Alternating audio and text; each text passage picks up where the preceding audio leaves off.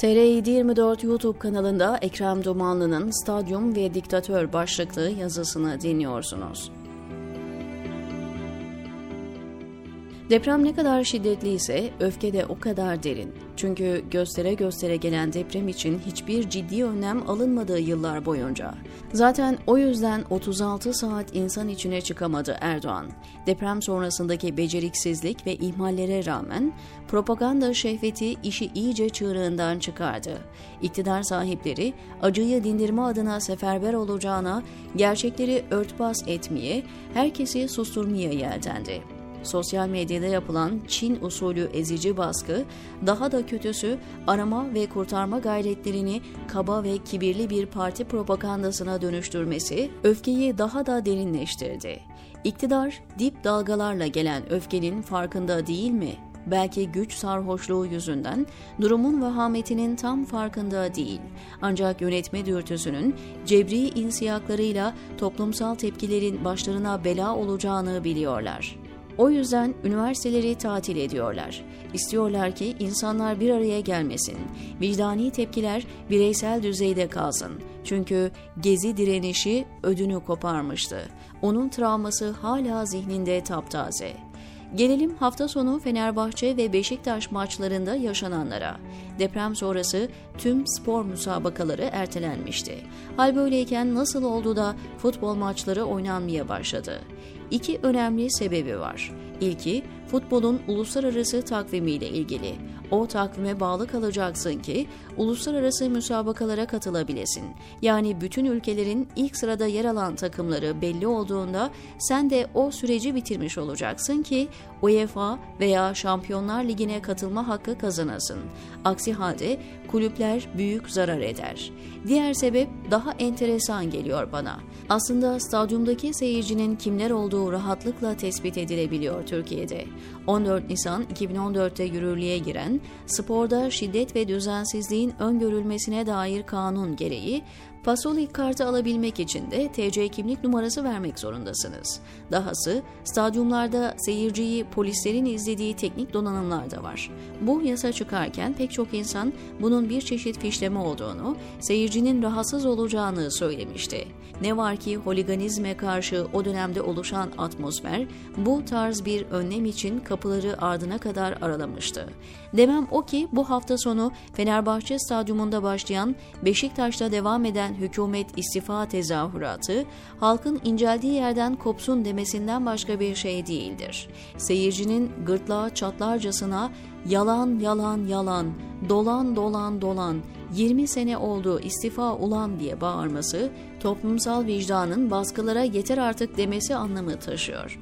Bu sesi devlet aygıtını kötüye kullanarak bastırmak çareler üretmez. Aksine öfkeyi büyütür, huzursuzluğu derinleştirir.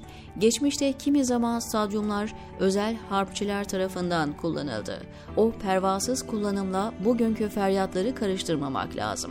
Eskiden sessiz çoğunluğun hissiyatını eze eze ifade edilen bağrışmalar kurulu düzen tarafından korunur, kullanırdı. Oysa bugün istifa tezahüratı yapanlar her türlü baskıya maruz kalma riskini göze alıyor. Stadyumlardan taşan tezahüratları duyunca aklıma Şili diktatörü Augusto Pinochet gelmedi desem yalan olur. 1973'te iktidarı zorla devralan Pinochet astığı astık kestiği kestik bir adamdı. Onun zamanında 130 bin kişi tutuklanmış, 30 bin insan stadyumlara toplanıp işkenceden geçirilmiş, 2000'den fazla insan öldürülmüş ve binden fazla kişi devlet tarafından kaybedilmişti. Öte yandan Pinochet uyguladığı politikalarla bazı kitlelerin de kalbine girmişti.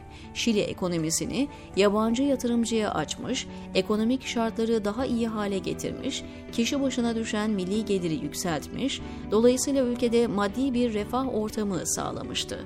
Hatta bir dönem enflasyonu sıfır noktasına kadar yaklaştırınca liberal ekonominin demokrasi olmadan da büyük iş yapabileceğine dair aforizmalar dile getirilmiş, örnek ülke gösterilmeye başlanmıştı.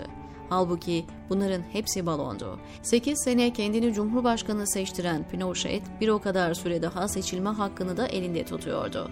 Oysa ülke demokrasiden kopmuş, insan hakları ayaklar altına paspas yapılmıştı.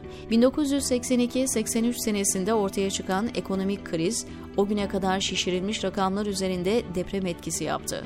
Toplumdaki derin öfke içten içe kabarmaya başlamıştı. Her türlü olumsuzluğa rağmen her şeyin kontrol altında olduğuna inanıyordu diktatör ve adamları. Ve bir gün herkes suspus olmuş, Pinochet'in polisleri ve askerleri eşliğinde maç seyrediyordu ki bir anda binlerce insan diktatörü protesto etmeye başladı. Kısık bir sesle başlayan tezahürat büyüdükçe büyüdü ve sokaklara taştı. 1984'teki sıkı yönetim tedbirleri de işe yaramadı. Bir dönem herkesi sessizliğe mahkum eden yönetim 1987'de seçime gitmek zorunda kaldı. Halkın %56'sı Pinochet'in tekrar seçilmesine hayır dedi. Görevini devretmemekte direndiği diktatör. Öyle ya, halkın hala önemli bir kesimi onu destekliyordu. Yaptığı yolları, teknolojik yatırımları ve Şili mucizesi diye sunulan ekonomideki iyileştirmeleri unutmamıştı. Ama adam zalimdi, acımasızdı, zorbaydı. Zorla güzellik olmaz. Hele siyasette hiç olmaz. Tiksinme süreci başladıysa, yaptığın zulümler kibrinle ihmallere dönüştüyse artık kamu vicdanında düş yakamızdan feryatları yükselmiştir. Hele bir de yolsuzluğa karışmışsan. Pinochet iktidarı bırakmak zorunda kalınca yolsuzluk ve insan hakları ihlallerine ilişkin dosyaları tek tek açıldı. Akıbeti ne mi oldu? İlerleyen yaşında Londra'ya tedavi için gittiğinde iktidarda olduğu dönemde İspanyol vatandaşlarının öldürülmesinden sorumlu tutularak İspanya'nın talebi üzerine tutuklandı. 16 ay ev hapsi yaşadı. Çok yaşlı olduğu için ülkesine gönderilen diktatör askeri bir hastanede hayatını kaybetti. Devlet töreni yapılmadı. Hala var olan taraftarlarının yaz ilanı talepleri reddedildi. O kadar ki muhtemel saldırılar nedeniyle ailesi mezar bile yaptırmadı. 42 yıl sonra Amerika Kupası açılış maçı aynı statta oynanınca 47 bin kişi bir zamanlar stadyumlarda işkenceyle öldürülen kurbanların anısına boş bırakılan koltuklara bakacak, o derin yarayı bir daha hatırlayacaktı. Filmi geriye sarıp baktığınızda bir diktatörün çöküşünün başlangıcını stadyumda bulabilirsiniz. Halkı polis zoruyla baskı altında tutmak akıbeti ortadan kaldırmaz. Aksine hızlandırır. Tarih buna şahittir, diyor Ekrem Dumanlı TR724'deki köşesinde.